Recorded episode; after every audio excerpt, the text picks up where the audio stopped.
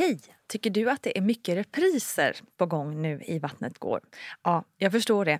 Det beror helt enkelt på att jag, Nina Campioni, just nu har en pop-up second hand i Modgallerian i Stockholm. Så min tid räcker helt enkelt inte tid att göra så många avsnitt som jag hade önskat.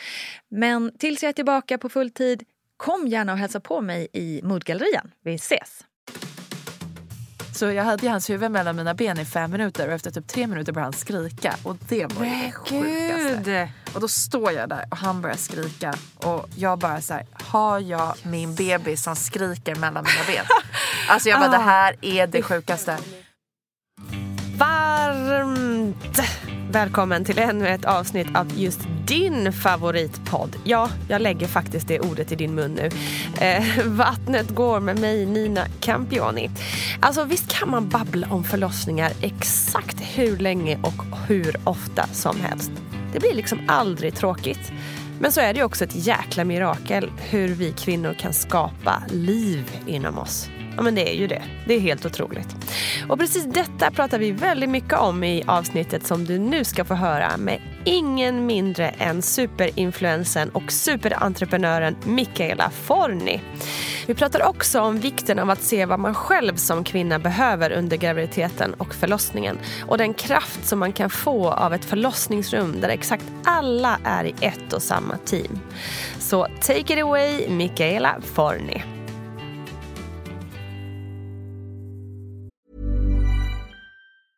Even when we're on a budget, we still deserve nice things. Quince is a place to scoop up stunning high-end goods for 50 to 80% less than similar brands. They have buttery soft cashmere sweaters starting at $50, luxurious Italian leather bags, and so much more. Plus, Quince only works with factories that use safe, ethical, and responsible manufacturing. Get the high-end goods you'll love without the high price tag with Quince. Go to quince.com/style for free shipping and 365-day returns. Life is full of what ifs. Some awesome, like what if AI could fold your laundry? And some, well, less awesome, like what if you have unexpected medical costs? United Healthcare can help get you covered with Health Protector Guard fixed indemnity insurance plans. They supplement your primary plan to help you manage out of pocket costs. No deductibles, no enrollment periods, and especially no more what ifs. Visit uh1.com to find the Health Protector Guard plan for you. When you're ready to pop the question, the last thing you want to do is second guess the ring. At Bluenile.com, you can design a one of a kind ring with the ease and convenience of shopping online. Choose your diamond and setting. When you find the one, you'll get it delivered right to your door. Go to Bluenile.com and use promo code LISTEN to get $50 off your purchase of $500 or more. That's code LISTEN at Bluenile.com for $50 off your purchase. Bluenile.com code LISTEN. Hey, it's Ryan Reynolds, and I'm here with Keith, co star of my upcoming film, If, only in theaters, May 17th. Do you want to tell people the big news? All right, I'll do it. Sign up now and you'll get unlimited for $15 a month in six months of Paramount Plus Essential Plan on us. Mintmobile.com slash switch. Upfront payment of $45 equivalent to $15 per month. Unlimited over 40 gigabytes per month. Face lower speeds. Videos at 480p. Active Mint customers by 531.24 get six months of Paramount Plus Essential Plan. Auto renews after six months. Offer ends May 31st, 2024. Separate Paramount Plus registration required. Terms and conditions apply if rated PG. Alltså grattis både till bebis och till eh, förlovning. Tack! Det har varit några riktigt sjuka veckor. Eller hur? Vi måste faktiskt, nu är ju inte det här någon slags förlovningsbröllopspodd men vi måste ändå ta upp det här med den bilden som du la upp på Instagram. Ni får gå in och kolla på eh, Fornis Instagram om ni undrar hur den ser ut. Men den, vi får ju ändå säga att den är lite babyrelaterad. Det är den ju faktiskt. Ja. Det hade varit mysigt om du hade en förlovningspodd också tycker jag. eh, eh, nej men alltså så sjukt. När Dante var sju veckor så var jag iväg och köpte pysventiler på apoteket. för att det är sånt som man gör när man har en magbebis. Och när jag kom hem så låg Dante och körde en bättre skrikfest i sovrummet. Och när jag kom in så såg jag att han hade någon ny outfit på sig. Och då trodde jag såklart att det hade skett någon olycka. Men det hade det ju inte. Utan på eh, hans body som han hade på sig stod det Mommy will you marry my daddy. Så jävla gulligt. Så jävla gulligt. Med så text så att Damon tyckte att det skulle se ut som att Dante hade skrivit den själv. Så att det var så barnsligt skrivet. Och sen så hade gick Damon liksom efter mig i sovrummet och, Tårar i ögonen redan nu. Det här är ett jobbigt program känner jag. och gick ner på knä. Och jag var så jäkla chockad. För att vi har alltid sagt bebis först, giftermål, förlovning sen. Men sen tänker jag ju inte i sju veckor efter Nej, att han har kommit. Han Utan- nu, äntligen. Utan jag tänkte kanske ett, två år. Två, tre kanske till och med. Jag vet inte. Efter två kanske jag hade börjat hetsa. Jag vet inte. Så att jag var så jäkla chockad. Och det sista man tänker sig är ju att man ska bli friad till en måndag. När man har varit och köpt pysventiler. Exakt. Och man är så osminkad och har fettigt hår och inte duschat på några dagar och är liksom vad man själv tycker är sitt sämsta jag. Men vad ens partner kanske tycker är ens bästa jag. Precis. Så fint. Alltså, så det var ja, väldigt fint. Jätte, jätteroligt. När du läste, jag måste bara, när du läste liksom bodyn, kopplade det då eller blev man så här bara, va? Ö, ö. Nej, men det var ju lite så här chockartat för Dante var så himla hysterisk också.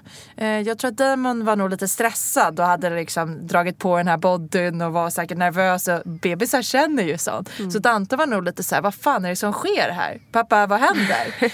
så han var ju så himla ledsen så att jag såg texten men så var jag lite så här men vad är det här? Alltså friar Damon till mig nu eller är det något skämt? Alltså jag förstod inte. Och samtidigt så var jag bara så här, hur mår Dante? Och liksom höll på och vaggade honom och så. Och sen när Damon då liksom gick ner på knä och tog upp fram den här ringen. Då var det bara så här, och Damon var så här stressad och jag var stressad och det blev bara Ja men då var det så här, jag bara, men gud det händer det här typ. Och Damon bara, vad säger du då? Jag bara, jag vet inte, friar du till mig nu? Och jag bara grät och grät och grät och grät. Så att jag fattade typ inte riktigt. Utan det var först efter, när Dante somnade för natten sen och vi i lugn och ro satte oss ner tillsammans. Då var det så här, jag bara wow. Men gud vi har förlovat oss. Vilket var världens häftigaste, härligaste känsla. Så att, eh, ja, det var absolut det märkligaste.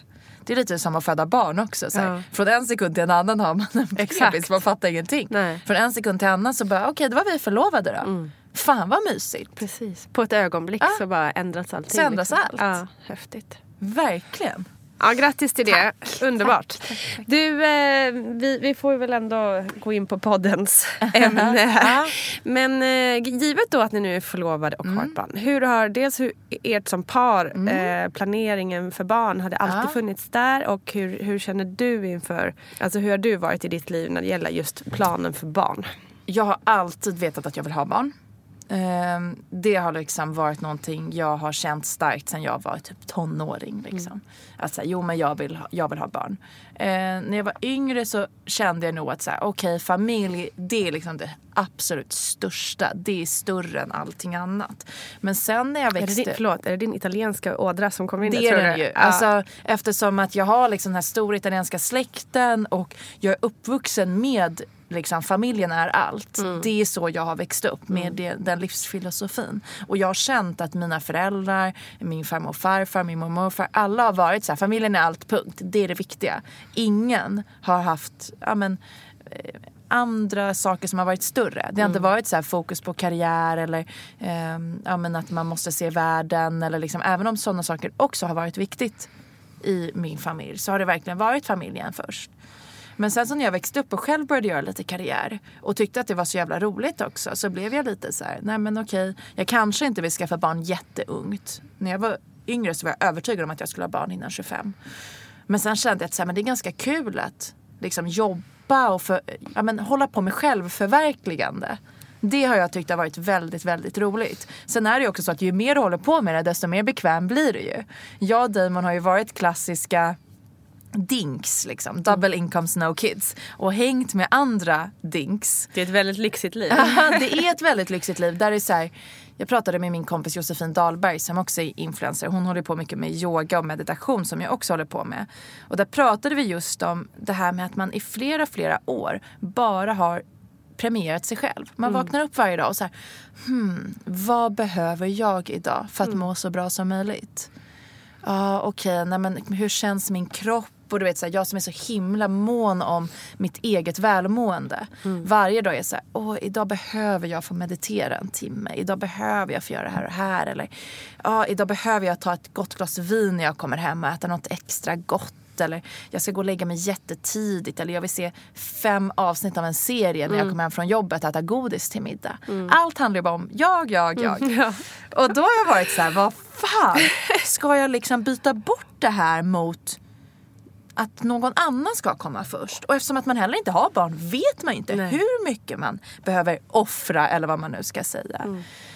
Men till slut så kände ju både jag och Damon att sen, nej, men nu vill vi verkligen ha barn. Och nu, vi kände väl att vi började bli lite trötta kanske på det självcentrerade. Att till slut så kände vi lite så här, okej, ja ja, vi går på en vinbrunch idag igen varje helg för att vi typ inte har något bättre för oss. Eller så här, ja ja, man dricker några extra glas vin på middagen med kompisarna för man kan ändå vara bakis imorgon för vi har ändå ingenting inplanerat. Och då kände vi kanske att så här, ja, men det hade varit kul att gå till en lekpark också. Och vi märkte att så här, vi um- umgås mycket med kompisar som har barn. Och vi märker själva att vi tycker om det mycket. Så här, vi har inga problem med att resa med folk som har barn. Vi har inga problem med att ta typ lika mycket ansvar som föräldrarna. När vi liksom reser med våra kompisar som har barn. För att vi tycker att det är skitkul. Och i det så kände vi väl att så här, okej, ja nej men Det är läge. vi, vi är redo. Liksom. Eh, Så att ja, jag har alltid vetat att jag vill ha barn. Jag och Damon har alltid vetat att vi vill ha barn tillsammans och vi vill ha en familj. Vi visste kanske inte exakt när men det växte fram ganska naturligt. Liksom, det gjorde det. Och hur gick det sen då när ni väl hade kommit fram till att det var, att det var läge?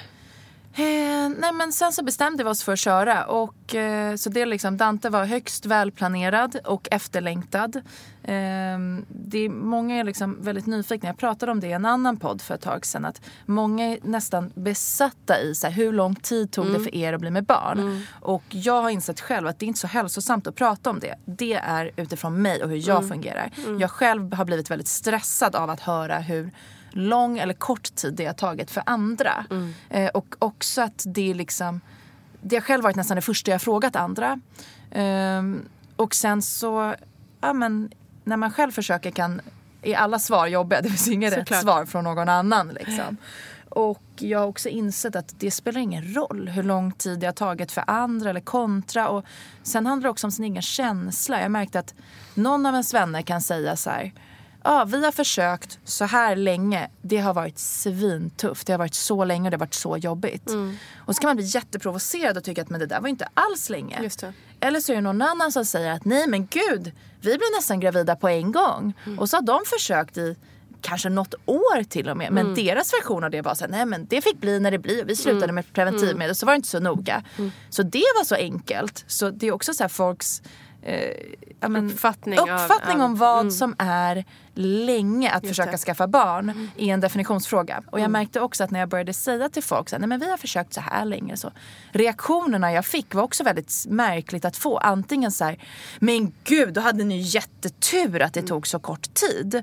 Och så kände man så här, ja nej men jaha okej, ja det tyckte du ja. Och sen någon annan, vet, en av mina tjejkompisar började gråta. Bara, men gud vad tufft, har ni försökt så länge? Och då blev det så jag bara, nej men gud, nu blev jag satt i en situation, det. ett fack här som jag inte alls trivdes med. Där det skulle vara synd om mig helt plötsligt. Och det blev också fel för mig. Så att jag bestämde mig ganska snabbt när jag började. Jag berättade ju för alla vänner innan jag gick ut med det offentligt. Vilket jag är väldigt glad över. Men då bestämde jag mig att nej men det här är ingenting jag ska prata om offentligt. Det här det är inte det som är Det viktigt. gagnar ju ingen egentligen. Och liksom, jag tror inte att någon vinner på att veta hur, exakt hur lång tid. Och sen så tror jag att den hetsen gör lite att folk också, som jag uppfattar det, eh, är väldigt... Ja, men det, det verkar vara väldigt viktigt för folk att få låtsas som att det gick väldigt fort. Och då börjar folk ljuga och det är inte heller bra. Eh, så därför blir det också svårt att jag upplever att många varit såhär, nej men vi blev gravida på en gång. Men det är också en definitionsfråga om vad man menar med det. Och då kan någon annan bli jättestressad av att behöva höra det. Liksom. Och det gäller inte kvinnor, det gäller män också. Så att eh, det var, Dante var superplanerad och jätteefterlängtad. Och vi har ju velat ha familj superlänge. Även om vi då inte aktivt har försökt så har vi vetat att vi vill ha familj. Så eh, det var ju så jäkla häftigt när man väl plussade på den där stickan och förstod att yes, Och också såklart svinläskigt eftersom att det är ingen garanti att det blir ett barn bara för att man plussar på en sticka. Nej precis. Hur var liksom graviditeten? Kände du oro kring något specifikt? Eller vad kände, Alltså jag var ju superrädd för missfall i början Mm. eftersom att statistiken ändå är så hög. Och nu har, tack gode gud behövde jag inte gå igenom det. Ehm, men jag var verkligen förberedd på att det kunde ske. Mm. Och var tvungen att använda mig av väldigt mycket meditation och liksom mantran för att ta mig igenom den oron och också att så här, kunna känna själv att om det sker så kan jag liksom inte gå under. Jag måste kunna acceptera det som händer. Eh, Så jag var jätterädd i början. Och sen så i vecka 13, alla säger så här, Åh, efter 12 veckor då kan du slappna av. Och vecka 13 skulle jag och Damon på en musikal och så springer jag och kissar precis innan och då har jag en blödning. Åh, Gud. Och du vet, det var så här, i samma sekund som jag bara hade börjat slappna av så får jag den här blödningen. Och också då att då satte mig på den här musikalen och vet att det kan bara vara en blödning. Det behöver inte vara farligt. Men det kan också vara påbörjan på ett missfall nu. I samma sekund som jag hade tillåtit mig själv att lite släppa på spärrar. Och det var så jäkla jobbigt. Och då blev jag ju lite rädd några veckor till. Då tog det ännu längre tid innan jag våg- vågade slappna av ytterligare. Så att jag gick ju ut med det offentligt i vecka 16-17. Och eh, då kände jag att jag började kunna bli genuint glad över graviditeten. Liksom. Och innan var jag väldigt eh, orolig. Och det tyckte jag var värre än de fysiska påfrestningarna. För sen så, ja, jag mådde superilla. Jag tyckte det kändes som att, alltså exakt samma känsla som när man har druckit så här, en flaska rödvin och rökt ett paket cigg. och så vaknar man upp dagen efter och har den här skittunga huvudvärken, den här äckliga smaken i munnen. Det här illamåendet som gör att man vill jättegärna ha en burgare men när man äter den så spyr man efter två tuggor. Alltså man känner såhär, nej men gud det går inte, varför vill jag ha den här? Typ jag borde ätit en sallad fast jag vill ha burgare. Fast jag borde ätit en sallad. Men jag testar lite pommes. typ. Eh, så, så tyckte jag att första perioden var och extrem trötthet. Liksom. Hela graviditeten, fan vad trött man är.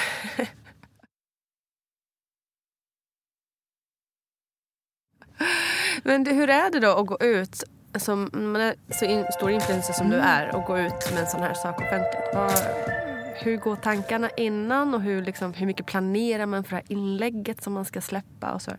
Jag planerade inte så mycket efter, över hur själva inlägget skulle se ut.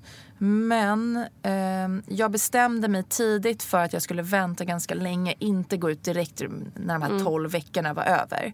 Eh, jag har nog en ganska mycket integritet. Eh, och är en människa som ja, men, inte tycker, alltså inte tar så lättsamt på att bara kasta ut med grejer. Jag har, är väldigt mån om mitt privatliv. Liksom. Så att för mig var det viktigt att ja, men vänta lite länge så det bestämde jag mig snabbt för. Också för att det var jätteviktigt för mig att få berätta för mina kompisar innan. Och det var så här, det här var precis innan julen. Så det var också under hela julperioden. Så vissa nära vänner hann jag inte berätta för förrän vecka 13, 14, 15. Ehm, och då föll det sig ganska naturligt med att vi skulle åka till Maldiverna och då bestämde jag mig att men jag går ut med det där. Och det var inte för att jag skulle få en perfekt bild i solnedgången. Utan för att då hade jag också lite distans till livet där hemma. Och det kände jag också var viktigt. Att jag ville inte så här, ja men gå ut det på Instagram och sen typ gå på gatan så tittar folk eller jag vet inte, gå på liksom, helt plötsligt då blir det så mycket fokus på en. Och jag kände att jag behövde bara få ta in alla grattis, alla intryck och alla, alltså allting bara i lugn och ro. Och jag är väldigt glad över att jag gjorde det så för att då kunde jag gå ut med det där och sen kunde jag liksom ta några dagar och verkligen bli glad för alla som grattade mig, kunna ta in det och inte bli stressad och ja, men, eh, tycka att det var jobbigt. Utan då blev det bara härligt och varmt. Liksom. Och hur har liksom resten, liksom, tankarna kring att dela med sig av graviditet och även kanske nu med barn och så. Hur, Ja. hur tänker du där? Liksom, hur mycket delar man utåt? Alltså, I det är jag väldigt ofiltrerad. Ehm, så att det är så svårt att beskriva var ens egna gränser går för vad som är privat och vad som är helt okej att dela med sig av. Jag går bara på min egen magkänsla av vad som känns rätt för mig. Men från att jag valde att gå ut med min graviditet så har jag delat allt. Eh, Alla tankar, alla funderingar, inga liksom restriktioner. Jag har heller inte känt Eh, Det är ju vanligt att man får så här, ah, ska allt bara handla om graviditeten nu eller? Jag har inte känt mig rädd för det för jag vet att mitt liv innehåller mycket mer än bara graviditet och en bebis. Så att jag, men jag känner fortfarande att det är en jättestor sak som jag vill dela med mig av. Och eh, under graviditeten var det viktigt för mig att vara ofiltrerad för att jag tycker att mycket av det jag hörde runt omkring mig var Men gud, jag känner knappt att jag är gravid. Men gud, jag mår så himla bra. Men gud, att det är så himla lätt. Och så kände jag så här, va? Det här är inte alls Mm. lätt. Jag tycker det här är jättetufft med allt vad den här graviditeten innebär. Och då var det skitviktigt för mig att gå ut med det så mycket som möjligt. Mm. Så jag var ju med så här vecka för vecka på Youtube och pratade väldigt öppet där. Du vet, I något avsnitt bryter jag ihop och börjar gråta. Och i liksom något annat, alltså där bara pratade jag på. Jag tänkte aldrig på vad jag sa. Eh, Jag har haft en podcast, jag också pratat helt öppet. I min blogg, jag har varit helt öppen. Mm. Instagram blir ju lite mindre liksom nära eftersom att det är så mycket fokus på bild Mm. på Instagram. Ehm, så att, men följer man mig på bloggen så har man fått se allt. Mm. Och även efter att Ante kom har jag varit så här, alltså hell no. Att jag tänker vara en av dem som bara bebisbubblan, vi hörs. uh, allt är så mysigt. Utan jag, eh, jag måste få vara ärlig med Ja. hur jävla tufft det är. För att jag önskar att andra hade varit mer ärliga Det är så med viktigt. det. Det är så jäkla Jätte, viktigt. jätteviktigt. Ja. Har du, nu blir det här eh, mycket influencersnack här, Mm. men det är också intressant för jag, man, det är väldigt mycket med det här med kommentarer och momshaming och sånt. Har du råkat ut för någonting sånt? Alltså det coola är att jag har inte fått nästan inte en enda dålig kommentar på min blogg. Och jag modererar ju inte kommentarerna själv på min blogg. Men eh, jag frågar ju eh, personen som modererar. Och vi har varit nästan chockade över hur peppig och bra stämning det har varit. Och, jag, och det är nog för att jag är så himla öppen och liksom ofiltrerad i bloggen. Sen så är det väl också för att det är med likasinnade som följer. Där man har i alla fall lite liknande värderingar, syn på hur man ska leva och sånt. För att om man tittar på skvallerbloggar, där finns ju jätte, där håller ju ingen med mig. Utan där tycker alla att jag gör fel i allt. Men det behöver jag inte ta in. Eh, Det viktiga är att det är bra härlig stämning i mina kanaler och de som aktivt väljer att Precis. följa mig att de tycker liksom, ja, men att vi kan visa förståelse för varandra. Så jag har faktiskt typ helt sluppit det och då är jag ju ändå eh, jag förstår att jag kan uppfatt, uppfattas som kontroversiell. Så i liksom skvallerforum så är det ju många som har de åsikterna som jag trodde skulle komma in i mina kanaler men som inte alls har kommit in. Typ det här med att va, du verkar ju knappt vilja ha barn, det är mycket tjat om egen tid. Eller, jag minns att Ida Varg, jag vet inte om hon har gästat här. Men Nej, vi har pr- pratat om Ja. att hon ska komma. för hon, det tyckte jag var så jäkla intressant att när hennes son var så tio dagar eller något sånt så gick hon och gjorde naglarna. Och så la hon upp en Insta-story som var så här. Åh gud, varit och gjort naglarna och köpt en matchalatte. Så härligt, nu hem till mina killar. Mm. Och man såg på henne att hon var så glad, hon hade fräscha naglar och alla vet ju hur jävla risig man känner sig Mm. efter bebis. Och hon fick en så här hatstorm som bara handlade om om du behöver egen tid efter tio dagar, fråga nu hur gärna du vill ha ditt barn. Eller typ så stackars ditt barn som har dig till mamma. Eller hur fan kan du lämna ditt barn?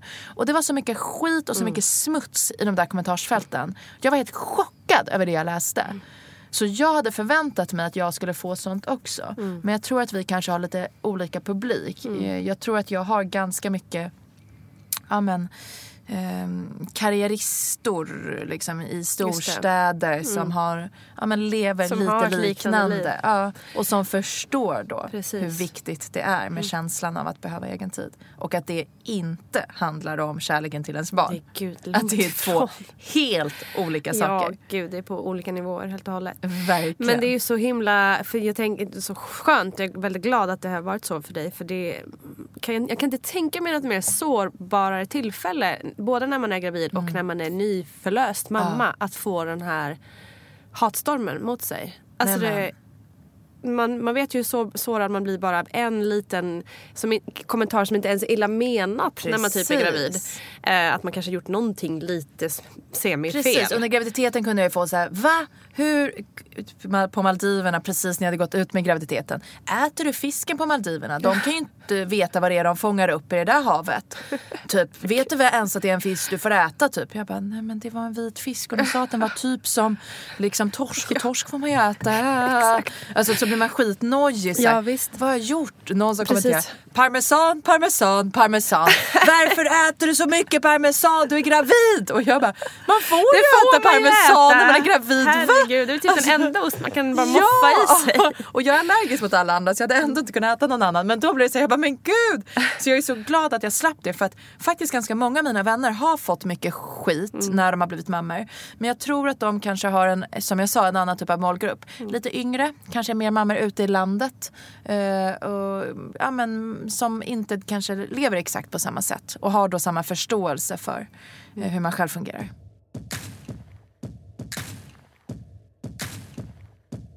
Hur eh, planerar du för förlossningen? Förbereder du dig på något sätt? Jag förberedde mig extremt mycket. Och det var också en sån sak som jag fick lite så här, ja men små pikar kring. Ehm, mycket det här med att man inte kan förbereda sig inför en förlossning. Att det är, ehm, ja men så här, ja förbered dig allt du vill men när smärtan kommer då är du körd liksom. ja, Liksom. Alltså exakt. Att, Vi här, vet hur det är. Ja men precis. Att så här, okej men när, eh, när det kommer så finns det eh, ingen förberedelse i världen som kommer kunna för, alltså, göra dig förberedd på hur det kommer kännas. Men jag lyssnade inte på det utan jag försökte förbereda mig mentalt väldigt mycket. Och där fick jag också höra mycket att Tror inte att du kan meditera ut ett barn gumman. och då kände jag så här, man kanske inte kan meditera ut ett barn. Men det är ju det enda jag vet. Det, det enda jag kan det är att försöka förbereda mig så mycket som möjligt.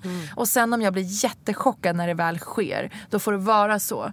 Men bättre att göra något än att inte göra någonting alls. Jag måste ju försöka. Ja, men man måste väl också bara få utgå från sig själv? Precis! Så jag läste jättemånga gravidböcker, bland annat din och Gudruns såklart.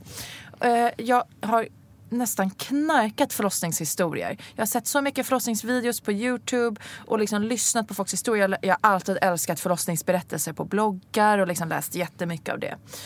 Um, och sen så försökte jag så här Ja, men det jag tror jag tror att jag tog med mig av att ta in alla de här olika förlossningarna. Det var så här, okej, inte en enda har varit samma.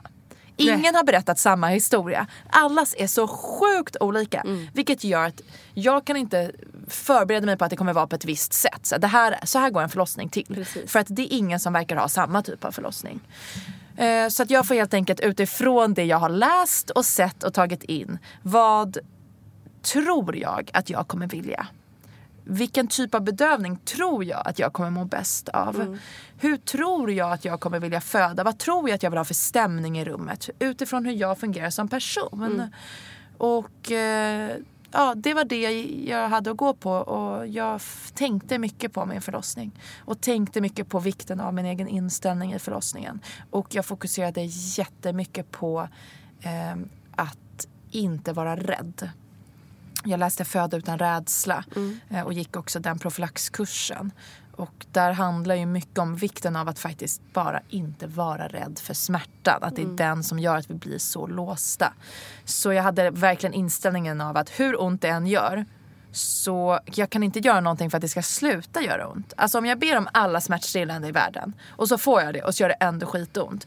Alltså jag kan ju inte göra någonting. Barnet ska ju ut. Jag kan ju inte ångra mig, jag kan inte gå därifrån. Jag kan inte, så det enda jag kan göra det är att hålla ut. För till slut kommer han ju komma. Och det var den inställningen som jag eh, liksom, ja, gick in i förlossningen med. Och Jag tycker det låter helt alltså, jag tycker det låter som att du är så klok. Du är ju väldigt klok men alltså, jag är väldigt imponerad ändå över att eh, ja, men du var så förberedd och verkligen gjorde det utifrån dina egna tankar. Det känns inte som att du är så här...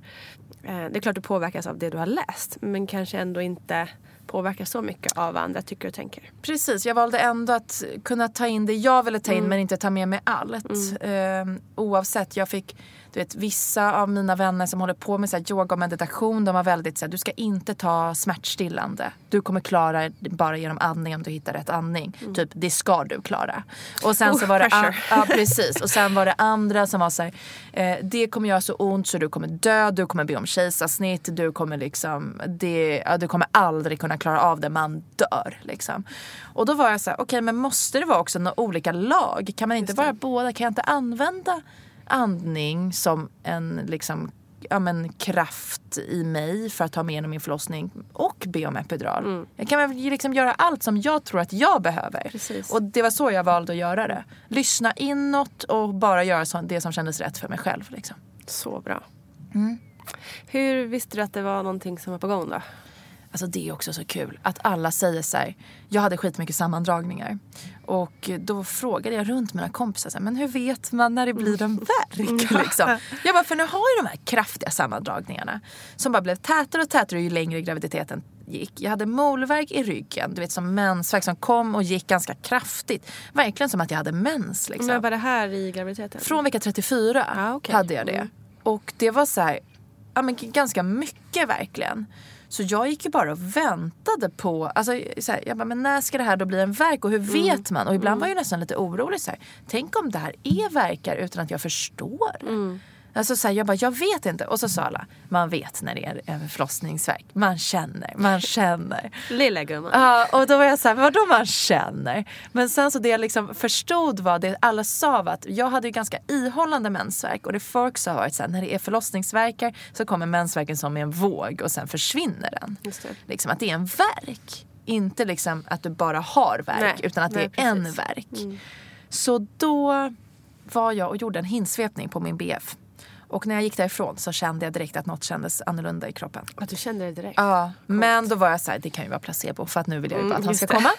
Så jag höll mig lugn. Och morgonen, eh, på natten så vaknade jag flera gånger av att bara min kropp känns annorlunda. Och det är svårt att beskriva. Det var bara konstig känsla i kroppen. Och på morgonen så gick jag upp tidig morgon vid halv sex. Och då så började jag liksom tajma verkarna. Och laddade ner en sån verktimer. Och då var det exakt det folk beskrev. Den här liksom mensvärken som kom som en våg i samband med en sammandragning. Liksom. Att jag kände att nu drar magen ihop, liksom ihop sig. Det kommer mensvärk. Efter en minut så lägger den sig och sen känner jag ingenting. Och så då började jag tajma och det hade ungefär sex minuter mellan mina verkar. Så, och då höll jag mig helt lugn. Liksom, jag tyckte att det kanske på smärtskalan gjorde två av tio ont. Liksom, för mig. Och Damon kom upp och han drog iväg och spelade tennis och jag låg upp hemma och kollade på serier. Sen skulle vår städfirma komma och då ville jag gärna städat för att jag kände att jag bara, men nu blir det nog ett barn. Och jag bara, det är skönt att komma hem till ett städat hem. Så jag bara, men vi drar iväg och hittar på något och blir det panik då åker vi bara hem och hämtar BB-väskan och så drar vi till BB. Så vi drog till våra kompisar som hade fått barn tio dagar innan oss och träffade deras lilla Tuva och åt glass och drack kaffe och bara hade det mysigt. jättemysigt. Och då var det verkligen så här, jag satt och pratade på men var sjätte minut då var jag tvungen att i en minut och sen var det som vanligt. Och jag märkte Så mina kompisar filmscen. Liksom. Ja, och jag märkte på mina kompisar att de var så här, men du ska ju inte föda någon barn. Alltså vad håller du på Om du ska föda barn sitter du inte här och snackar skit och fikar. Liksom. Alltså så här, det här är ju, för vi bara, vi tror att vi kommer åka in ikväll. De bara, men nej det kommer ni inte. Alltså kolla på er, ni sitter liksom, va? Nej. Och efter det gick vi hem till Damons kusin och tog en kaffe där. Och då var det också så här, jag bara, jag verkar typ. De bara, nej sluta. och sen när vi hade varit där någon timme då sa jag till Damon att äh, men nu är det dags att åka hem. Nu känner jag att, äh, men nu orkar jag inte. Jag behöver åka hem liksom, och fokusera. Nu, äh, men det börjar göra ondare. Då sa vi hej då till dem. Jag är övertygad om att ingen fortfarande trodde att jag skulle åka in samma kväll då. Och så fort vi sätter oss i bilen och jag slappnar av då känner jag att de kommer lite tätare. Då är det som att kroppen liksom är redo. Så jag åker hem, vi äter middag och sen efter middagen så lägger jag mig i sängen och liksom värmer vetekuddar och bara börjar liksom ta verkarna. Och då har jag ungefär fyra minuter, tre, fyra minuter mellan mina verkar. Och så ringer jag in och då finns det såklart ingen plats. Eh, vilket är det som jag tror att alla är jätterädda för. Man pratar ju mycket om liksom förlossningsvården och bristerna inom den och det här med platsbrister och vad som händer med oss kvinnor i det. Och eh, ja, jag vet ingen som inte har varit jätterädd för att inte få plats. Men det gjorde också att jag var väldigt förberedd.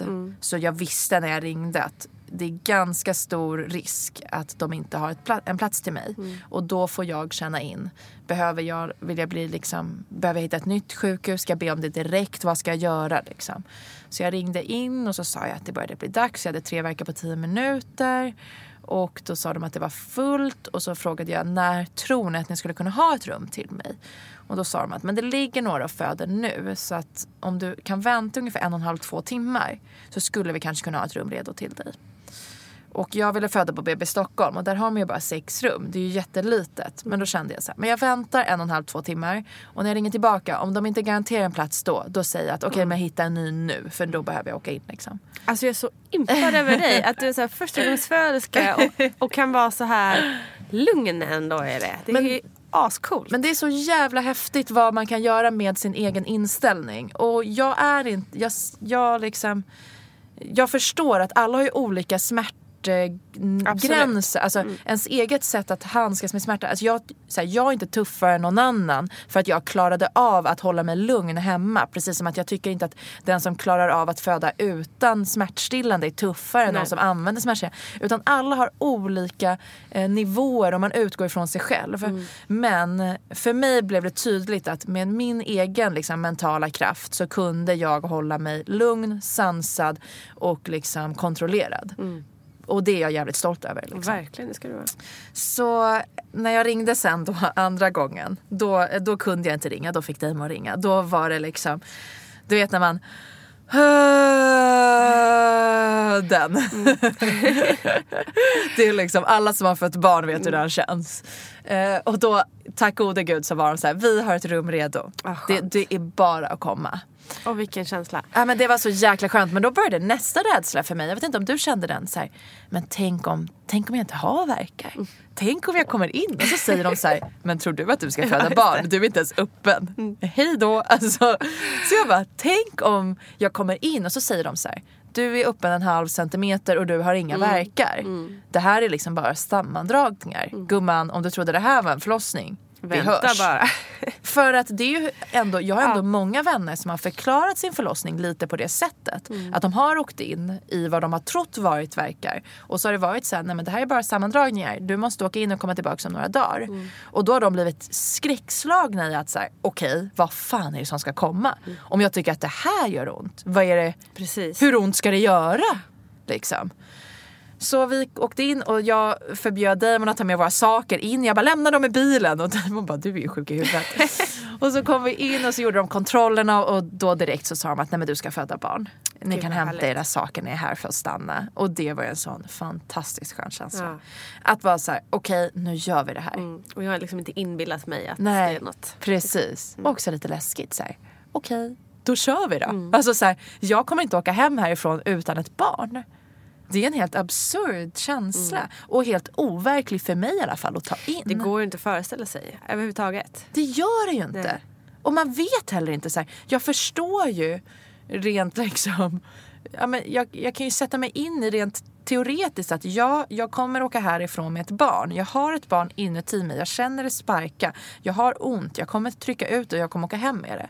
Men jag kan inte förstå hur det känslomässigt Nej, kommer vara. Det var helt omöjligt på något sätt.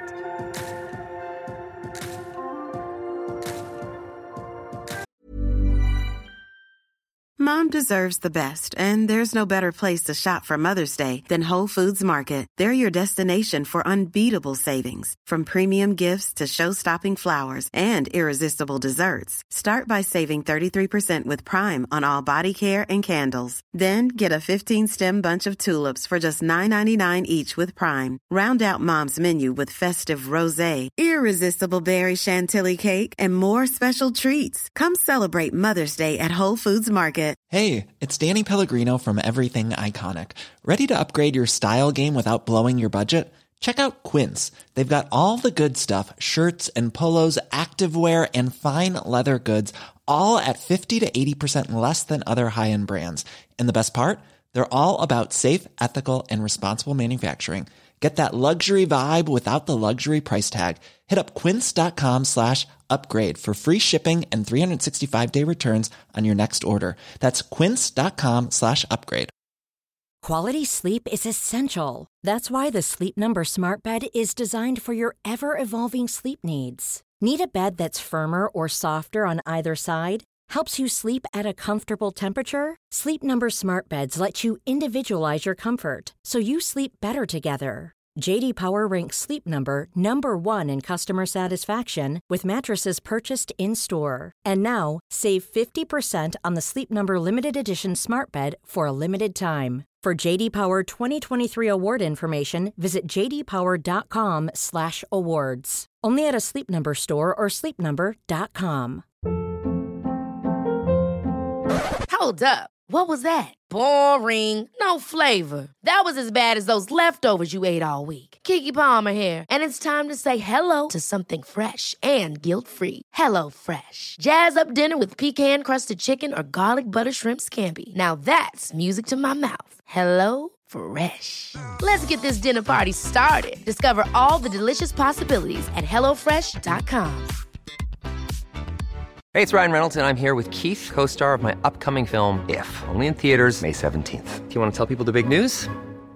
All right, I'll do it. Sign up now and you'll get unlimited for $15 a month and six months of Paramount Plus Essential Plan on us. Mintmobile.com slash switch. Upfront payment of $45 equivalent to $15 per month. Unlimited over 40 gigabytes per month. Face lower speeds. Videos at 480p. Active Mint customers by 531.24 get six months of Paramount Plus Essential Plan. Auto renews after six months. Offer ends May 31st, 2024. Separate Paramount Plus registration required. Terms and conditions apply if rated PG.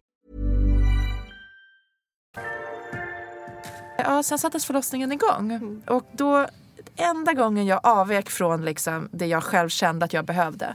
Det var när jag kom in och då frågade jag när jag kunde få epidural. Och då sa de att du kan få en redan nu men vill du testa lite lustgas? Eh, Eftersom att du har tacklat verkarna så bra hittills. Och- Sa de eh, hur öppen du var när du kom Ja, in? då var jag tre, tre centimeter. Och då var jag så här, okej men jag, jag testar då. Och då testade jag lustgas. Och redan första, första verken jag tog lustgas så började jag kräkas. Och då sa de att men det kan ta lite tid att vänja sig så testa lite till. Och då bestämde jag mig att men jag testar tio verkar. Eh, Så jag testade i liksom en halvtimme, tre kvart kanske. Och jag bara kräktes och kräktes och kräktes. Fy. Jag tyckte att det kändes precis som att ha en fjortisfylla. Alltså många säger att det är en så här skön fylla man hamnar i. Och för mig var det min värsta fylla den jag låg och kräktes liksom i en buske. när jag tog min första fylla som 14-åring. Ja, typ. den är inte rolig alltså. Nej men du vet det var ju vidrigt. Jag fick liksom vidriga flashbacks. Jag bara, vad är det här? Och så var jag såhär, men det kanske släpper. Så jag fortsatte ändå lite till. Och sen till slut, jag bara, det går inte. Och vid det laget så här, då bara låg jag i min undersköterskas famn. Och hon liksom låg och klappade på mig och jag bara kände så här, jag orkar inte. Nu vill jag, snälla kan jag få epidural nu? Och då kände jag också så här, nu har jag varit så duktig. Nu behöver jag få lite, lite mer hjälp här. Mm, precis. För att jag kände att nu orkar jag inte mer. Om jag ska orka krysta ut det här barnet om många timmar, då behöver jag få kraft. Så Mm. Och då dessutom bad... blivit av med all energi som du hade inne, alltså maten som du hade i dig. Precis, jag har också kräkts ut allt. Så jag Ah. kände ju kroppen bara Ah. blev svagare och svagare och svagare. Mm. Och jag bara, nej men nu måste jag få liksom, jag måste återfå kraft. Den kraften jag hade när jag kom in till sjukhuset, där måste jag få tillbaka. Så då bad jag om epidural och såklart, de, det är ju en, max en timmes väntetid och såklart tog det en timme för mig. Eh, så att... Eh, fy, men hur var den väntan liksom, när man har bestämt sig? Och den så var bara, vidrig. Då var jag, men då var jag så borta. Då bara låg jag i hennes famn. Du vet när varje verk kom så kommer jag ihåg hur jag bara, nu kommer den. Och du vet jag bara liksom tog hennes hand och så drog mot min kind. För jag bara kände det här enorma eh, liksom ja, men känslan av att jag behövde bli omhändertagen. Och det är någonting också med en kvinnlig famn som är eh, väldigt, ja men jag behövde i alla fall den. Eh, jag älskar Damon och han gjorde ett fantastiskt jobb där inne. Men just då när jag var så borta så var det just den här moderliga famnen hjälpte mig. Eh, men jag var helt väck. Alltså jag kommer typ inte ihåg den timmen. Jag bara kräktes och var helt borta. Och det enda jag tänkte var så här, håll ut. Håll ut Mikaela. Alltså varje gång du kräks så är det i alla fall ett steg närmare att någon kommer komma och rädda dig. Och när narkosläkaren kom in, att jag bara mumlar. Jag älskar dig, tack för att du äntligen kom. Jag lovar jag ska ligga helt stilla. För det, var så här, det första han sa var så här, kan, kom, kan du ligga stilla i verken? Och jag bara, jag lovar jag ska ligga helt stilla. Och då väntade han verk bara för att se så att jag kunde ligga helt stilla. Och då kom jag ihåg att jag rörde mig inte en millimeter. Fast man vill ju liksom vrida på sig Ja, för att det ja, gör så ja. Det är ont. jättesvårt. Men jag kommer ihåg att jag bara, jag måste ligga still för annars får jag inte den här, liksom, det här smärtstillande. Jag bara, jag måste fokusera nu. Så låg jag still och så fick jag epiduralen. Och i fem minuter efter epiduralen var jag som vanligt igen. Och det var ju... Alltså jag respekterar hatten av till alla som väljer att inte ta epidural som smärtstillande. Men för mig var det himlen på jorden. Mm. Jag tyckte det var så otroligt skönt. Att återfå min kraft och få känna mig som mig själv. Och medvetande Precis. överhuvudtaget. liksom. Alltså jag bara bam! Okej, jag är tillbaks. Vad hände precis? Jag har gått igenom helvetet. Och vid det laget när jag fick epiduralen var jag kanske upp en typ 5 centimeter. Så jag bara, jag har gått igenom helvetet. Jag har tagit mig ur det. Nu ska jag bara ladda om. För snart om några timmar ska jag in i nästa helvete som epiduralen heller inte hjälper mig igenom. Och det är ju krystningen. Så jag bara, om jag ska kunna trycka ut mitt barn då måste jag, jag måste lugna mig själv och hitta tillbaka. Så då tog jag liksom ett gäng timmar. Jag försökte sova men det gick inte för jag hade så jävla mycket adrenalin och var liksom förväntansfull. Men jag åt massa. Jag åt skitmycket godis. Jag drack saft. Jag och Damon satt och snackade skit. Vi, jag hade bett om en aktiv förlossning i min journal så jag höll igång väldigt mycket. Rörde på mig upp och gjorde squats och liksom höll igång. Vilket gjorde att jag då öppnade mig en centimeter i timmen. Ehm, Gud, och det var, Bra. Ja, det var också så här, eftersom att så många säger att epiduralen ja, men gör så att det stannar av. Och att det också kan vara lite mentalt jobbigt att ja, men de gör ju kontroller var tredje timme eller vad det är. Och det är Precis, och jobbigt så här, något, liksom. Precis, att okej du är uppe en fem centimeter efter tre timmar är du uppe en fem centimeter fortfarande. Det bakslaget är ju rätt tufft. Så att därför var jag så här, bara, äh, men jag ska hålla igång så mycket som jag bara orkar. Så jag gick runt i rummet och jag liksom satt på pilatesbollen och squattade och gjorde benböj och allt möjligt. Och det visade sig ju ge med sig eftersom att eh, jag eh, ja, men öppnade mig till tio ganska snabbt. Gud vad skönt. Och det var jätteskönt. Och, sen Och då så... hade, alltså, epiduralen hjälpte så bra att du kände, kände du någonting? Jag kände liksom sammandragningar men som jag hade haft det i sex veckor innan. så det. var det ju så här. Nej men jag var så van vid det. Så att när varje sammandragning kom och magen blev spänd och hård så var det bara så här, ja ja. Alltså det var liksom Ja, men jag hade ju lärt mig leva med det så Mm. det var inte jobbigt. Men annars så tog epiduralen bort alla liksom, de här kraftiga smärtorna. Så det var skönt. bara sammandragningen som kändes. Så jag är också skitglad över att den tog så väl på mig. För det gör den ju inte för alla. Mm. Nej man, precis, man kan ju så var det för mig. Att jag, Ja, det. det. Det, det, det hjälpte absolut men det försvann liksom inte. Nej. Och så var det någon som det tog lite snett den ena gången att det liksom hjälpte halvt kan man säga. Mm. Och det var också så här, öh, man fick ju ändå inte den här liksom, pausen som man kanske hade behövt. Det har jag också hört flera att den bara bedövar halva magen och Ja. sånt. Och det är ju skittufft Ja, måste då det blir man vara. också konst, det blir, kon, det blir nästan konstigare. Jättefel. Jätte, Mm. Jättefel. Ja, det blir Nej, men det liksom. är jag är bara tacksam när jag kände direkt att den här satt där den skulle. Skönt. Liksom, Tack. Tack Mm. Eller hur? universum Tack. för att jag fick Ja, det här. ja. Ehm, det är ju bara att vara tacksam för allt som går vägen under en förlossningsgång. Mm. Liksom. Uh, ja, och sen så jag hade um, personalbyte vid sju på morgonen när jag var uppe en 10 centimeter. Så när jag började liksom närma sig. Ah. Då är man ju också lite nervös. Mm. Okej, vad är det för Vilka det som gäng som kommer kommer nu, komma? liksom? Eh, och då kom ett gäng som var i min ålder, så lite yngre. Och då var min första reaktion att, ah, vad är min mamma liksom? Mm, ja, men jag hade haft två mammor som hade klappat och myst och du vet med den här trygga erfarna handen. Mm. Och sen kom de här liksom, nya personerna som var i min ålder. Men samma sak där så handlar det mycket om inställning. Att min första inställning var nej. Och sen så kände jag in och så kände jag så här, men shit vilken energi de här kvinnorna kommer in i. De är hungriga, de är på tårna, de har sån jävla energi. De är så här, ja, barnet ska ut, nu kör vi, let's go. Liksom. Och det var helt fantastiskt när jag väl liksom vände om. Mm. Och jag hade också bett om en lättsam stämning i rummet i min journal. Så att de verkligen tog det tillvara och bara var så glada. Vi satt och snackade skit, vi drack kaffe, vi åt frukost. Alltså, det var hur härlig stämning som helst. Det var en praktikant med som var jättehärlig. Eh, Jag sparade stamceller via Cellaviva. Så att jag hade en personal från Cellaviva på plats, en Det är undersköterska. jätteintressant. Mm, så att eh, hon... Hur, hur funkade det? Var det någonting du märkte av eller det bara skedde automatiskt? Alltså, jag, vi hade ju bokat henne då och det var ju lite så jag var lite orolig. Så Okej, ska hon vara med under förlossningen eller? Det känns ju lite weird. Mm, det. Men det visade sig vara Alltså, det är ju ganska dyrt att spara stamceller. Men så här i efterhand så kan jag på fullaste allvar säga att jag hade kunnat betala de pengarna bara för att få ha Majsan på plats. Okej. Hon kallades Majsan. Alltså hon kom vid typ fem på morgonen och hon var ju väldigt så här: hej jag är här nu, jag ska ta med stamceller till liksom Cellaviva. Ehm, jag kommer inte liksom störa er, jag kan vara ute i korridoren i ett annat rum, jag finns här när ni behöver mig. Och hon eh, har jobbat, eller om hon liksom jobbade deltid på BB Stockholm som undersköterska. Så hon hade en jättegod relation till personalen. Alla kände ju henne. Vilket gjorde att hon kändes bara som en extra Precis, person. som inget okänt element. Nej! Liksom. Så istället för att ha då en undersköterska och en barnmorska som kommer och går i rummet så hade vi Majsan som var med oss i rummet under halva förlossningen liksom, och under slutskedet. Lyxigt. Det var helt fantastiskt. Så vid någon tidpunkt på morgonen när så här, Damon blev liksom trött och var tvungen att gå och lägga sig och jag kände så här, okej, men ska jag bara göra det här kriget själv eller? Vem är det som föder ett barn här? Du eller jag älskling? Då var liksom Majsan där. Och du vet mitt vatten gick och Dante hade bajsat i fostervattnet så att det, liksom- jag läckte ju bajsvatten. Det är inte så nice liksom. Och hon bara, du vet hon bytte mina trosor, hon torkade liksom på golvet. Hon bara hjälpte mig att gå runt, hon höll i mig när jag skulle byta positioner. Alltså hon var fan Wow. min ängel. Gud Och jag är så jäkla glad för att äh, hon var ett så otroligt stöd för mig. Och i efterhand sa både jag och Damon så här, gud bara hon var ju värd att betala hur mycket som helst för. Vad skönt det var att ha hennes stöd på plats hela tiden. Och det var någon gång Ja, men jag kände att, kryssning, att det började bli dags att krysta. Och då liksom pratade jag med henne. Jag, bara, jag tror att det börjar bli dags. Och, ja, men som alla säger, du vet så här, ja, det känns som att man ska bajsa. Klassikern. Och jag bara, det känns som att jag ska bajsa. Och hon bara, okej, okay, bla bla bla. Var liksom så bra support. Och då kunde hon gå och hämta liksom, de andra. Så att i slutändan så var vi ju... Som en dola nästan du hade med hon dig. var liksom. som en dola. Ja. Det var exakt så hon blev.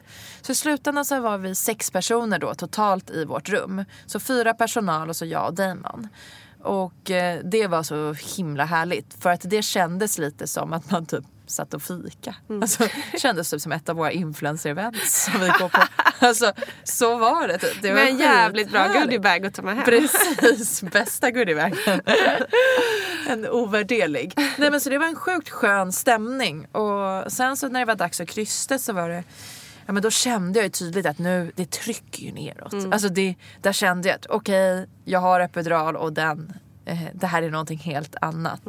Men då hade jag ju fått flera timmar att förbereda mig för det. Eh, så där kunde jag ju också bara så här, gå in i mig själv och säga nu måste jag hitta kraft här. Och ju mer jag fokuserar på att blicka inåt och hitta min inre styrka desto lättare och snabbare kommer det gå att få ut Dante. Så jag satte mig på förlossningspallen och så fick jag en krystverk och då testade jag liksom att krysta och då kände barnmorskan och sa att Nej, men så här ska du trycka liksom och kände med sina fingrar. Men här, nu har du hittat rätt teknik. Gud, vilket bra samspel. Ja, jättebra. För jag var så jag bara, hur vet man hur man ska krysta? Okej, alla säger ja, men som att du ska bajsa men jag känner, det är ju inte där det kommer. Jag känner ju att det kommer från mellan ben. Så hur ska jag veta hur jag ska trycka? Och då sa hon att men jag stoppar in mina fingrar och så kan jag säga till när du hittar rätt. Hon bara så testa och tryck lite. Då testade jag liksom lite olika och så sa hon nu, fortsätt. Och så tryckte jag och hon bara där. Så där ska du krysta. Det var jag jätte... Och det kan ju vara ett tips. Nu Precis, gjorde hon ju bara det. tips. Men det kan ju vara ett tips att kanske be sin barnmorska om det. Så Mm. här, Kan du hjälpa mig att försöka hitta rätt teknik? Så att man får den Verkligen. hjälpen. För jag tror att, att hon hjälpte mig med det så på en gång gjorde nog att det gick så smidigt sen med kryssningsarbetet. Mm. För att efter, totalt tog kryssningen 30 minuter. Och jag hade, den gick på sex krystverkar för jag hade fem minuter mellan mina verkar. Eh, så det var då den första det hittade rätt. På den andra så säger hon att gud vad långt hår han har. Och jag bara what? Och då får jag känna hans hår. Och då känner jag liksom hans hår mellan mina ben. Hur var det? Eh, en enorm känsla. Absolut en av de fram tills då mäktigaste känslorna jag upplevt. Och jag fick en sån otrolig adrenalinkick av det. Och där som du säger, jag kände ett otroligt samspel med alla i rummet. Jag kände så här, nu gör vi det här hörni. Och jag kände mig ehm, jag vet att Kinsa sa i sin förlossningsvideo att när hon hade sin kryssningsverk så, eller kryssningsfas så kände hon så här, varför är det ingen som hjälper mig? För att det gjorde ont och det var jobbigt. Och jag var så rädd att hamna i den situationen och det hade jag sagt till dem att jag vill inte, jag vill inte känna mig utlämnad. Och jag kände verkligen när vi höll på att vi är ett team här inne. Jag får allt stöd jag behöver. Och de var liksom så jäkla pepp peppiga och härliga och boostande. Och ja, men jag bara kände att vi var verkligen ett stort lag. Inte bara jag och Damon utan faktiskt alla Hela sex. gänget. Liksom. Otroligt Ja, det var helt fantastiskt. Och sen så efter tre veckor där så bytte jag till eh, sjukhussängen så liksom höjde de upp den så att man står på knäna och lutar sig. Och på den fjärde femte verken så kom hans huvud. Och det var ju också så jävla coolt. Jag tyckte verkligen känslan när man känner att men gud det kommer ut ett huvud. Jag känner ett huvud tryckas ut ur min kropp. Det är en så mäktig känsla så att det går ju inte att jämföra med någonting annat. Och det gjorde så ont. Men jag kände liksom, ju mer jag ju mer jag tog i, desto mer kunde jag ju känna att han kom. Vilket gjorde att jag förstod att om jag bara fortsätter med det här fokuset och trycker så kommer han ju. Medan om jag liksom ja, men av, avvaktar eller slappnar av lite då kommer han ju inte. Då åker han ju tillbaka. Så jag, måste, liksom, jag hittade verkligen kraften i att känna hur han kom närmre. Och så kom huvudet och sen så hade jag ju då fem minuter me- mellan. Så jag hade ju hans huvud mellan mina ben i fem minuter och efter typ tre minuter började han skrika. Och det var ju det sjukaste. Gud. Och då står jag där och han börjar skrika och jag bara så här, har jag min bebis som skriker mellan mina ben? Alltså jag bara, det här är det sjukaste. minuter, liksom. Och då får jag sånt adrenalin, alltså tårarna bara sprutar. Och det gör ju ont också. Ja, så att, såklart. alltså, då minns jag hur liksom känslan var. Jag tog där, ah, samtidigt som jag bara ah, så var det liksom. För att det var så mycket känslor. Och sen så när liksom till slut när liksom nästa verk kom då ramlade han ju nästan ut. Eh, liksom själva kroppen. Och då var det bara så här. Men bara total avslappning. Adrenalin som är liksom helt enormt. Jag var så stolt över mig själv. Vilket jag hoppas att alla kvinnor känner när deras barn kommer ut. Verkligen. Och de känslorna var nästan först innan det här med så här, okej får jag se honom? Och det var nog också för att jag var så inne i min egna styrka och min egna liksom urkraft. Så att det första var liksom så här, wow. Jag bara kände in hela min kropp och bara shit. Jag gjorde det. Fan vad jag är bra. Och jag hörde nästan ingen annan i rummet. Jag var helt inne i mig själv och bara så här, jag klarade det. Jag är så himla duktig. Jag förtjänar alla medaljer i världen. Bra jobbat. Liksom. Och sen var det så här, då säger barnmorskan så här, vill du ta, vill du ta upp honom? Och då var jag så bara, okej, eller är du med oss Mikaela? Säger hon först. Är du med oss Mikaela? Och jag bara, ja jag är med. Hon bara, okej, vill du ta emot honom? Jag bara, ja. Och då liksom, okej. Och så tog, tog jag upp honom och då var det så här, wow. Och då var min första reaktion så här, fan vad gullig han. Ja, men bebisar brukar vara så fula när de kommer. Han är ju skitsöt. Vilket jag antar att alla, Alla mammor tänker. Så jag tror att jag är jätteunik i den känslan. Av att bara, men gud, han är ju helt perfekt. Det var liksom det första jag kände att så här, han är perfekt. Liksom. Han tittade så här, han hade så stora ögon från när han kom. Så han liksom bara tittade. Det första han gjorde var bara spärra in sin blick i mig. Och jag bara, men gud, låg du verkligen på insidan av min kropp? Det är så absurt. Det är ju Och det absurt. kan inte jag, jag kan inte fatta det trots att jag har två barn. Alltså det så här, som du var inne på innan, teoretiskt ja. Men nej, Nej, det, nej men det hur går. fan går det till? Nej, Jag kan inte hur förstå. fan går det till? Och vet, allt det man går igenom under graviditeten och också det här med att man känner sitt barn hela tiden. Det är ändå skitsvårt att förstå att det var han. Eller hur? Jag håller helt med. Den här personen som Ja. du lever på. Det är ju helt sjukt. Ja. Och också hur man liksom typ glömmer bort smärtan och bördan och tyngden. Allt bara försvinner nästan i samma sekund som barnet kommer ut. Det är också helt otroligt. Hur också coolt hur kvinnokroppen fungerar.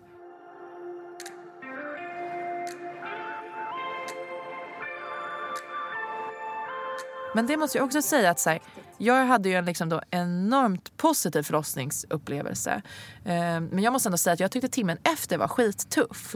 Och det är ju någonting som kan vara så bra att få med när man pratar om sina förlossningar. Att, eh, när, det, när han hade kommit ut så märkte jag på mig själv att jag kände ett enormt behov av att liksom, då vill jag bara vara själv. Då kände jag att nu tillhör inte min kropp någon annan. Nu är den min. Men jag var ju tvungen att sys och moderkakan ska ut och livmodern ska börja dra ihop sig och det är ett ganska kritiskt skede. Vi skulle klippa navelsträngen. Sella Viva skulle ju ha eh, blod från navelsträngen och en bit av navelsträngen till sparandet av stamceller. Så att det var ju väldigt mycket som hände tiden direkt efter. Och där var jag verkligen tvungen att så här, kämpa mentalt för att inte tappa det och inte bli ledsen och känna att så här, jag nästan fick panik. För att jag kände att jag var på väg mot panik. Att jag bara, bort från min kropp vill jag bara skrika. Så här, min kropp är min nu.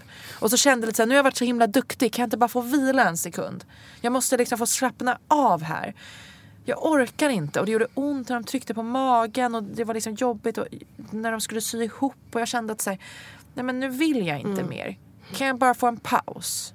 Det minns jag också från första fr- framför allt. Jag var inte alls beredd på att det här med att liksom, när moderkakan ska ut att det kan göra ont. Nej. Liksom att det är en, en, en rätt stor grej egentligen. Precis. Inte för alla, för en del kan det vara Nej. superenkelt. Men för många är det ju både smärtsamt och kan vara jobbigt och svårt att få ut. Verkligen. Och det är precis som du säger, man trodde ju att man var färdig. Precis. Men så, ska, så är det massa, Och så är det massa mer till. Och så här, Mm. Jag visste att det kan vara lite kämpigt med moderkakan. För en, eh, en av mina vänner fick operera ut sin Mm. ganska, bara någon månad innan mig.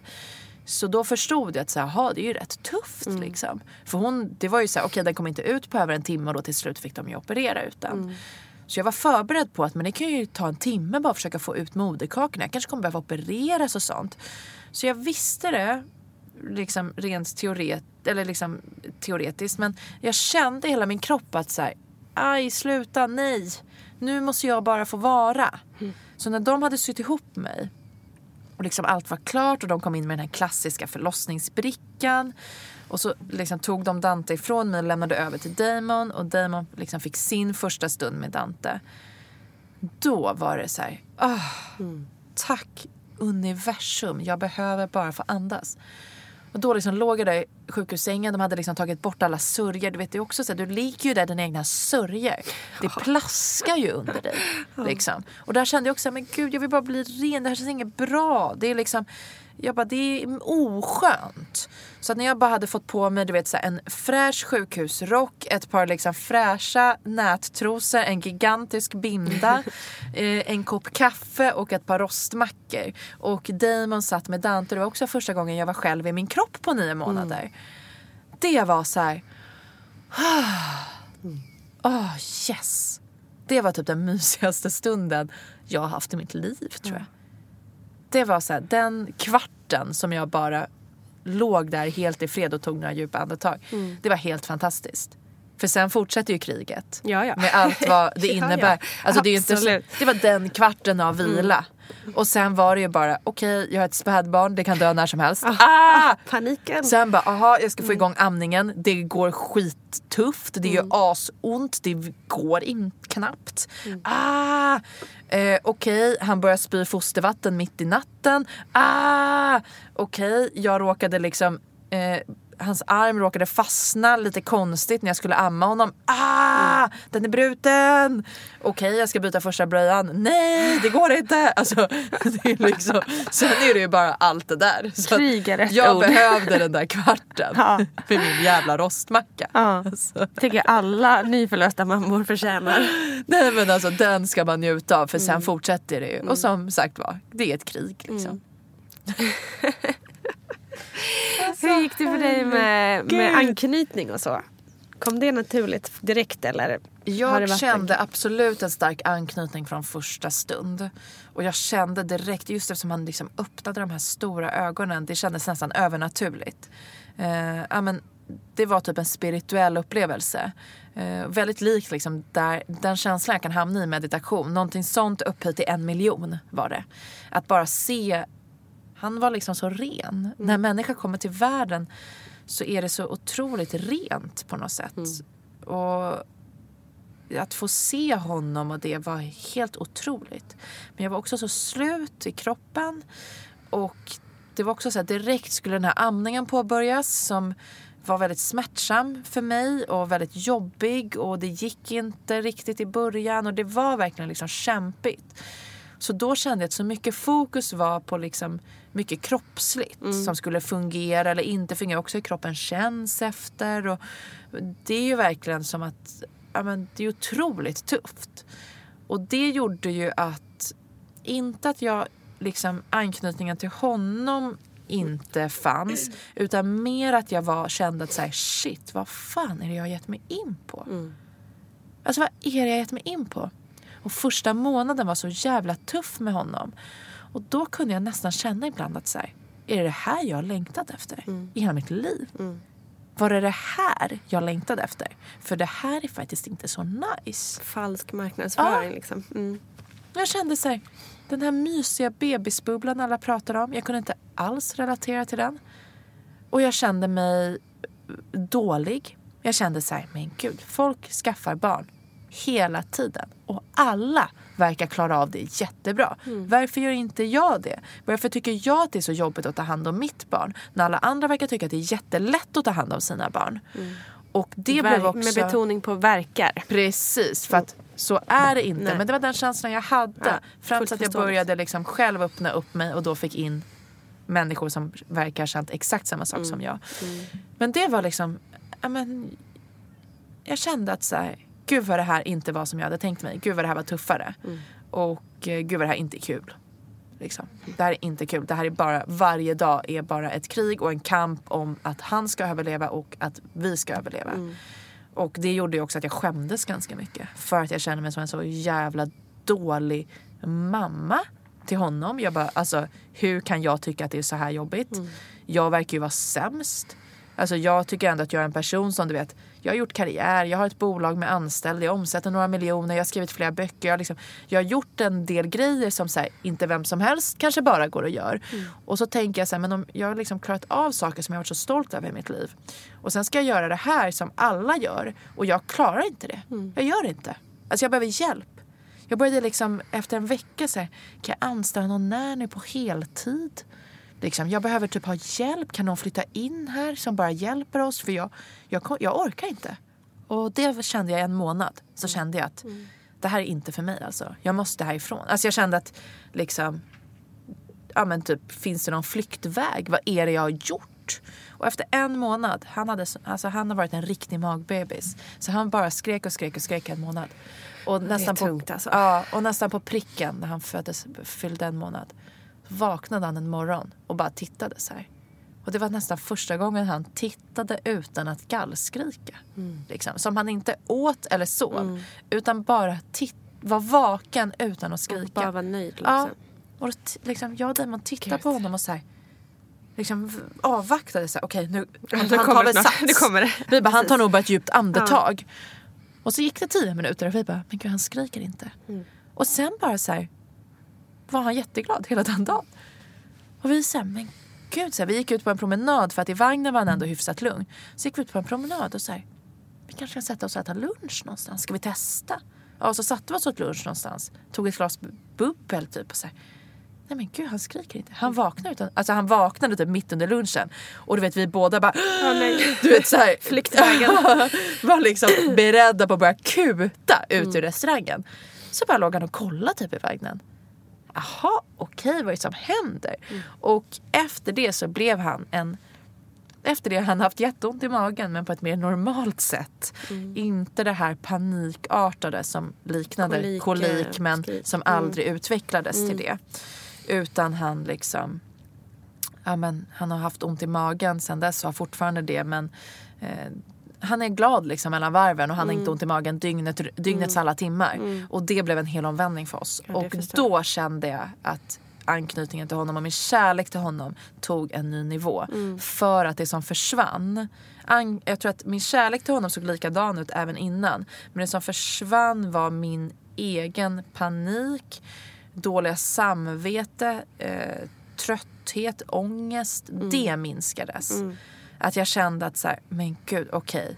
Det, det kan vara så här att ha en bebis också. Och det här är faktiskt ganska mysigt. Och det gjorde ju också att jag fick lite kraft. Så att om jag var själv med honom och Damon var iväg på något möte eller på jobbet eller något sånt. Och han började skrika. Då kände jag så här, det är lugnt. Jag har energi. Jag orkar ta hand om dig älskling. Vad behöver du? Jag finns här. Medans Vilken power. Ja. Ja. Och innan det hade det ju bara varit så här, åh nej, inte mer, jag klarar inte mer. Kan du bara vara tyst liksom? Herregud. Oj, alltså, vet, jag kan inte ens tänka mig på eh, BVC när vi var där och hade hembesök hos oss och Storm så här, Det börjar luta åt kolik så var beredda på att det kan bli det. Men det kan också svänga om så att ni är beredda. Och vi bara okej och började stålsätta oss för att men då kommer det vara så här i tre månader. Och sen så gick det över då efter en månad och då bara kändes så här. Alltså de föräldrarna som får kolikbebisar. Alltså om någon som lyssnar har en vän, en familjemedlem, en släkting eller en partner liksom, eller vad som helst som går in, alltså är mamma till en kolikbebis, gör allt ni kan för att underlätta för det. För att det kan nog bidra till seriös depression. Alltså. Mm, Gör allt. Kom dit och bara sitt och gå runt och vagga. Ta bebisen, sätt den i babybjörnen och gå du i två timmar med bebisen. Så bra att du säger det. För jag tror att också många, inklusive mig själv, som inte själv haft kolikbarn, inte inser.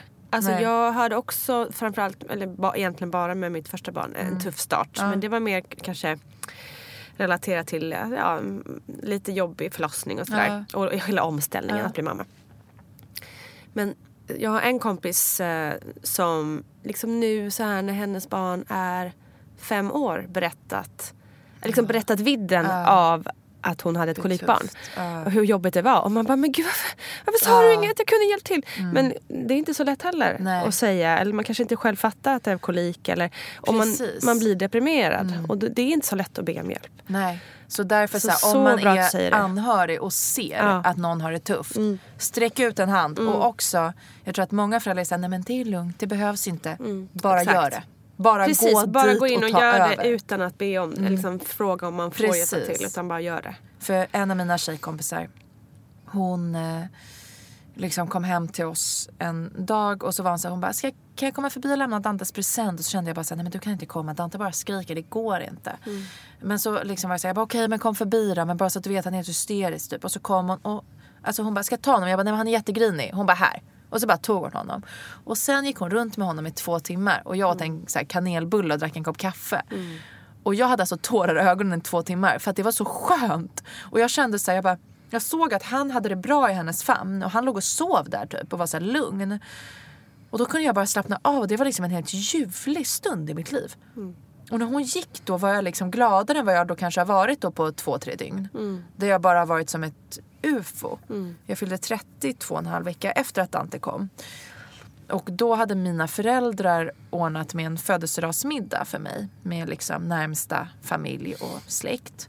Vi skulle vara typ tio personer hos dem. Och då hade de liksom fixat allting. Och vi kommer dit, vi är typ 50 minuter sena, eller om vi var en och en halv timme till och med. Alltså vi var så jättesena.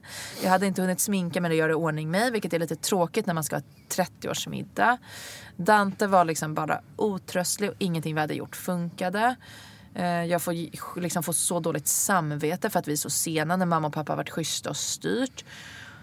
Vi kommer in dit, du vet maten är typ kall, alla har så suttit snällt och väntat. Så jag bara, äh, vi kan sätta oss och äta direkt. Och så sätter vi oss och så tittar min, min brorsas tjej tittar på mig och så säger men hur är det? Och jag bara brister ut i gråt. Alltså vet jag bara, tårarna bara forsar. Alltså jag bara, jag orkar inte med det här. Och det tror jag var så bra att de fick se det. För det är också Mm. typiskt vi kvinnor. Vi ska vara såna jävla super alltså, woman hela tiden. Så vi säger, nej men det är lugnt, jag orkar, det är skitjobbigt men jag klarar det. Mm. Fast man känner att här, jag håller på att drunkna. Och när de såg det.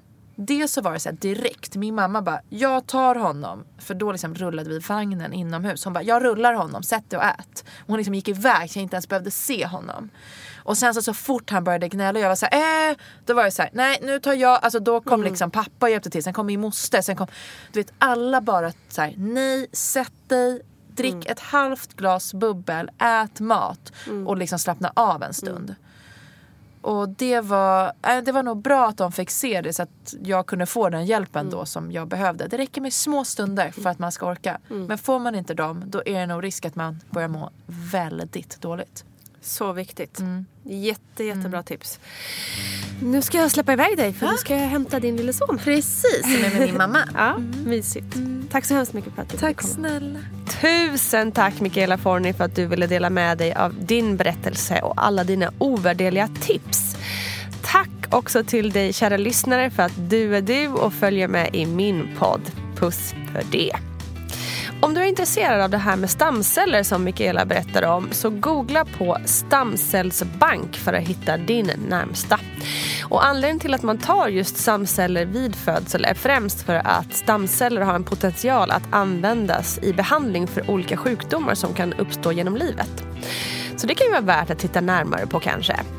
Och hörni, välkommen nu till mammagruppen på Facebook och Vattnet går finns såklart också på Instagram. Och så har jag ju världens bästa nyhetsbrev till dig. Ja, om jag får säga det själv. Och det får jag ju, eller hur? Och i ploggen på torsdag, då kommer jag prata om amning tänkte jag. Så missa inte det. Tjingeling!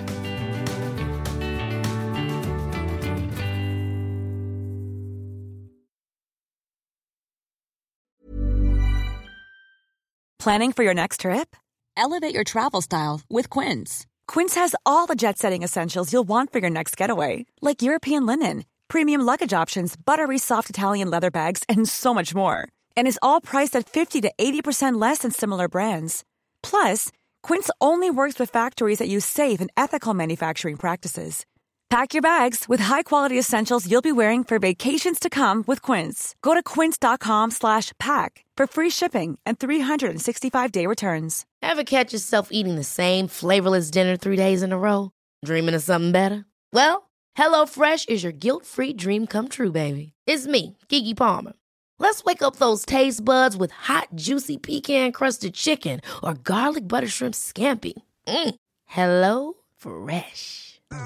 Stop dreaming of all the delicious possibilities and dig in at HelloFresh.com. Let's get this dinner party started.